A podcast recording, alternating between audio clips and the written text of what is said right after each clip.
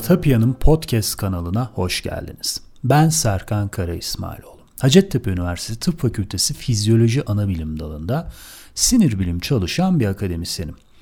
Orta Piya'da hmm, bir akademisyen ve çevresindeki bilim seven gençlerin oluşturmaya çalıştığı bir dünya. Uzun zamandır sizlerden YouTube kanalımızdaki videoları podcast olarak paylaşma isteği geliyordu. Malum akademik ve diğer yoğunluklar nedeniyle bir miktar geciksek de artık başlıyoruz. En baştan belirtelim. Ortapya Podcast kanalında sadece YouTube içeriklerimiz olmayacak. Buraya özel hazırladığımız kayıtlarımız da var. Zaman içerisinde hepsini tek tek paylaşacağız. Umarım dinleyeceğiniz içerikler ufak da olsa hayatınıza dokunabilir. Çünkü varoluş amacımız bu. Bilimi hayatınıza dokundurmak. Açıkçası YouTube videolarını MP3 dosyasına çevirip doğrudan podcast olarak paylaşmayı istemedim. Tıpkı şu an yaptığım gibi. Videoların öncesine kısa bir konuşma eklemek istedim. Çünkü her bir videonun benim için önemi büyük ve hepsinin farklı hikayeleri var.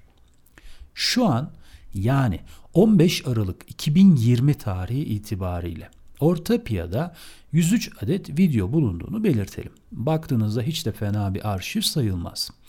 Peki ilk podcast olarak hangi içerik ile başlamamız gerek diye düşündüğümde aslında cevap açık ve net bir şekilde ortadaydı. Şimdi YouTube'a yaptığımız içeriklerin hepsinin bende farklı bir yeri ve duygusu var ama söz konusu orta piyanın varoluş felsefesini anlatmak olduğunda bir numaralı videomuz belli. Doğal olarak da podcast serimize bu video ile başlıyoruz. Yaklaşık 2 yıl önce 11 Kasım 2018 tarihinde yayınladığımız bu videonun adı Post-Truth Çağda Limbiye Dokunan Bilim. Hemen fark edeceğiniz üzere söz konusu videolara isim koymak olduğunda çok da başarılı sayılmadığımız kesin çünkü başlığa bakan birisi için ilk anlamda pek de bir şey ifade etmeyen karışık bir başlık söz konusu. Post-truth gibi zor bir kavramın yanına bir de limbik gibi ne olduğu belli olmayan bir kelime eklenince bu durum ister istemez kaçınılmaz hale geliyor. Zaten o nedenle 2 yılda sadece 70 bin izlemeye ulaşmış bir videodan bahsediyoruz. İsmi karışık, izlenmesi az da olsa benim için bu kanaldaki en kıymetli videodur. Çünkü yakın dönemin en büyük tehlikelerinden biri olan pseudoscience yani sahte bilimin artık iyice zıvanadan çıktığı bu post-truth günlerde bilimin kendisini savunması için çok yeni bir yaklaşıma ihtiyaç var. O da limbiye dokunabilmek. Limbik nedir? Post-truth derken tam olarak neyi kastediyoruz ve sahte bilim neden insanlık için bu kadar tehlikeli? Gelin bu meseleyi ele aldığımız 9 dakika 2 saniye süren videomuza kulak verelim.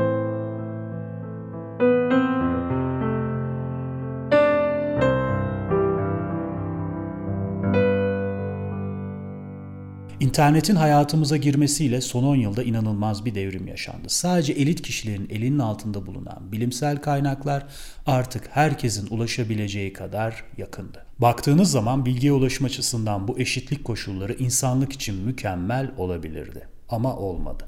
Aksine çok farklı bir durum gerçekleşti. Burada bir dakika içerisinde internette gerçekleşen bilgi akışını görüyorsunuz. Resmen her saniye üzerimize data yağmakta. O kadar çok bilgiye maruz kalıyoruz ki bu bilgilerden hangisinin önemli ya da doğru olduğunu bilememek modern insanın en önemli sorunu. Zira bu bilgilerin büyük bir kısmı gereksiz, yanlış ya da yalan bilgiler. Bu kadar kirli bilgi arasından doğru bilgiyi çıkarabilmek ise inanılmaz zor. Üstelik bu kirli bilgiler zamanla o kadar popüler hale geliyorlar ki modern insanın beyni artık müthiş bir hızla kirlenmekte ve bunun doğuracağı sonuçlar düşündüğümüzden çok daha tehlikeli.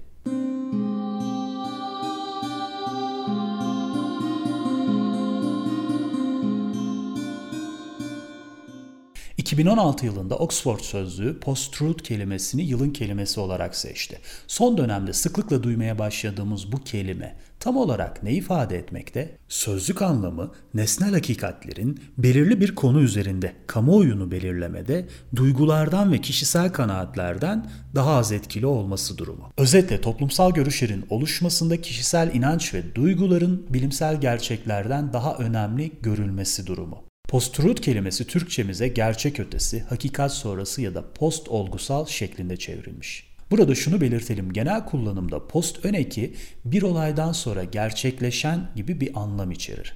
Ama buradaki anlamı önüne geldiği kelimenin artık önemsiz ve gereksiz kabul edildiği bir zamana ait olduğunu vurgulamak. Yani aslında post-truth dediğimizde doğru ve gerçeğin önemini yitirdiği bir dönemi kastediyoruz. Daha çok politik dilde 90'lardan beri tek tük kullanılmakta olan bu marjinal kelime 2004 yılında yayınlanan bir kitapla popüler hale geldi. Kelimenin 2016 itibariyle çok fazla yayılmasının nedeni ise İngiltere'deki Brexit oylaması ve Trump'ın başkan seçilmesiydi. Bu olaylarda çok fazla bilgi kirliliği olmuş ve insanlar bilginin doğru olup olmadığını umursamayıp sadece bu bilgi doğrultusunda ortaya çıkan sonuçları tartışmıştı. Yani insanlar rasyonel olmaktan ziyade duygu ve kişisel inançlarına göre bir seçim yapmıştı. Bu durumun oluşmasında sosyal medyanın rolü de çok büyüktü. Peki daha çok politik alanda kendisini gösteren bir kavram bir bilim insanını neden ilgilendirir?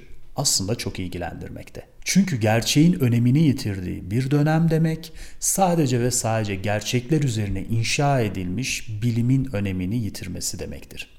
Gelin meseleyi sinir bilim açısından inceleyelim. Beynimizin önünde yer alan frontal korteks mantıklı kararlar vermemizi sağlayan bilinçli kısmımız. Beynimizin ortasında yer alan limbik sistem ise duygularımızın bulunduğu yer. Biz sinir bilimcilerin çok iyi bildiği bir gerçeği sizinle paylaşalım. Eğer frontal korteks ve limbik sistem bir karar konusunda anlaşamaz ve savaşırlarsa frontal korteksin limbiğe karşı gram şansı yoktur. Burada savaşın sonucunu belirleyen limbiğin ne kadar kuvvetli uyarıldığıdır. Örneğin Nobel'de dahil olmak üzere birçok bilimsel ödüle sahip bir kadın düşünün. Yani kadının frontal korteksinin mükemmelliği konusunda şüphemiz yok. Bu kadın odasında çalışırken bir anda çocuğunun odasında ani bir yangın çıktığını varsayalım. Öyle bir yangın olsun ki bu çocuğu odadan çıkarmanın imkansız olduğu net anlaşılsın. Yanan odaya girmek için hamle yapan kadına frontal korteks diyecek ki sakın içeri girme. Böyle kuvvetli alevlerin arasından çocuğunu canlı çıkarma ihtimalin yok. Girersen sen de yanacaksın. Diğer taraftan limbik sistem sadece bir cümle kurar. İçeri gir. Çünkü o senin çocuğun. Eğer ortamda anneyi tutacak birileri yoksa büyük bir ihtimalle o anne öleceğini bile bile kendisini yanan odaya atar. İşte biz buna limbiğin gücü diyoruz. Aydınlanma çağıyla hayatımıza daha fazla yer kaplayan bilim tümüyle frontal kortekse hitap eden bir kavramdır ve rasyonel gerçeklere dayanır. Bilimin limbikle yani duygularla işi olmaz. Örneğin bir tez yazarken hayvanların kullandığı kafeinin hayvanları daha mutlu ettiğini hissediyorum gibi bir cümle yazamazsınız. İşte az önce bahsettiğim post-truth kavramı tam da bu noktada inanılmaz bir gerçekle karşılaşmamızı sağladı. Her ne kadar şimdilik politik çevreler bu meseleyi tartışsa da bilim içinde post-truth bir dönem söz konusu artık. Zira kimse bilginin doğruluğu ya da kaynağıyla ilgilenmiyor. Önemli olan şey bilgiyi paylaşan kişinin ya da kaynağın ne kadar popüler olduğu. Dünyanın düz olduğuna inananlardan tutun aşı karşıtlarına kadar çok geniş bir kitle oluşmakta. En fazla sağlık alanında tanık olduğumuz bu durumda kimisi sahip olduğu bilim insanı sıfatını kullanarak, kimisi ise kendisi için çeşitli sıfatlar uydurarak hiçbir bilimsel kökeni olmayan fikirleri geniş kitlelere yaymakta. Peki insanlar böylesi saçma fikirlere nasıl inanırlar?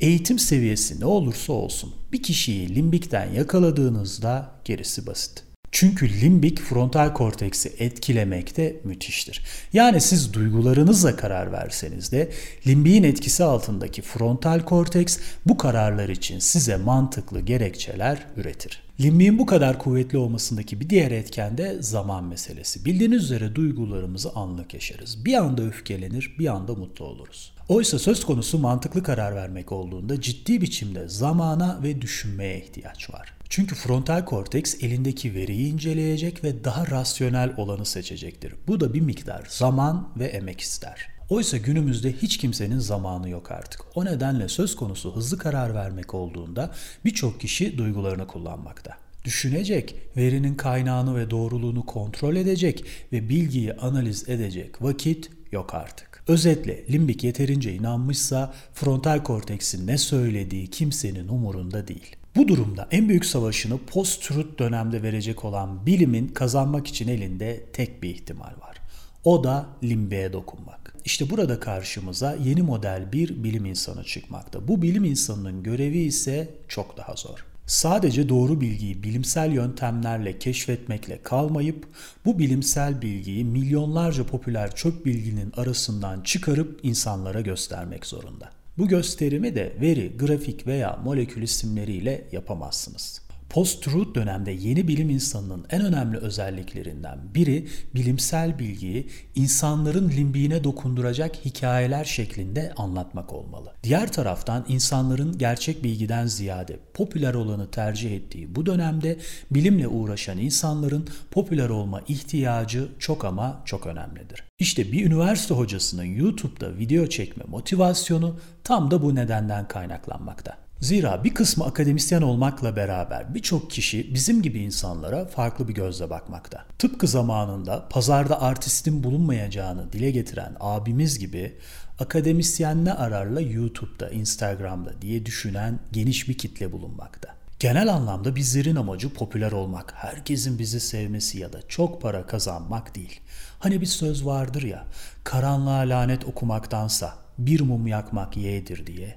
İşte bizim amacımız tam da bu. Yanlış bilgiyi üretenlere küfretmektense bol bol doğru bilgi ve içerik üretip bunları popüler hale getirmek. Bu kanalı takip eden ya da videolarımı izleyenler bilir. Hiçbir videomda bu videoyu beğenin, bu kanala abone olun gibi bir dil kullanmadım. İlk kez ve sadece bir kereliğine bu videoda kullanacağım. Sadece Ortapiye değil, doğru içerik oluşturan ve bilime katkıda bulunan her kanala abone olun ve çevrenizdeki kişileri sayıları oldukça az olan bu kanallardan haberdar edin lütfen. Eğer bilime inananlar birbirlerine limbik bağlarla bağlanamaz ve birlik olamazlarsa post-truth çağda bilim açısından çok büyük bir mağlubiyet ve çöküş kaçınılmaz olacak. Yaşar Kemal'in o harika tespitiyle bitirelim videoyu. Yalanın gücü doğrunun güçsüzlüğünden değildir. Yalan teşkilat kurmuş, doğru ise yalnızdır. İşte tam da bu nedenle doğruyu ve bilimi asla yalnız bırakmayalım ve birbirimize sahip çıkalım.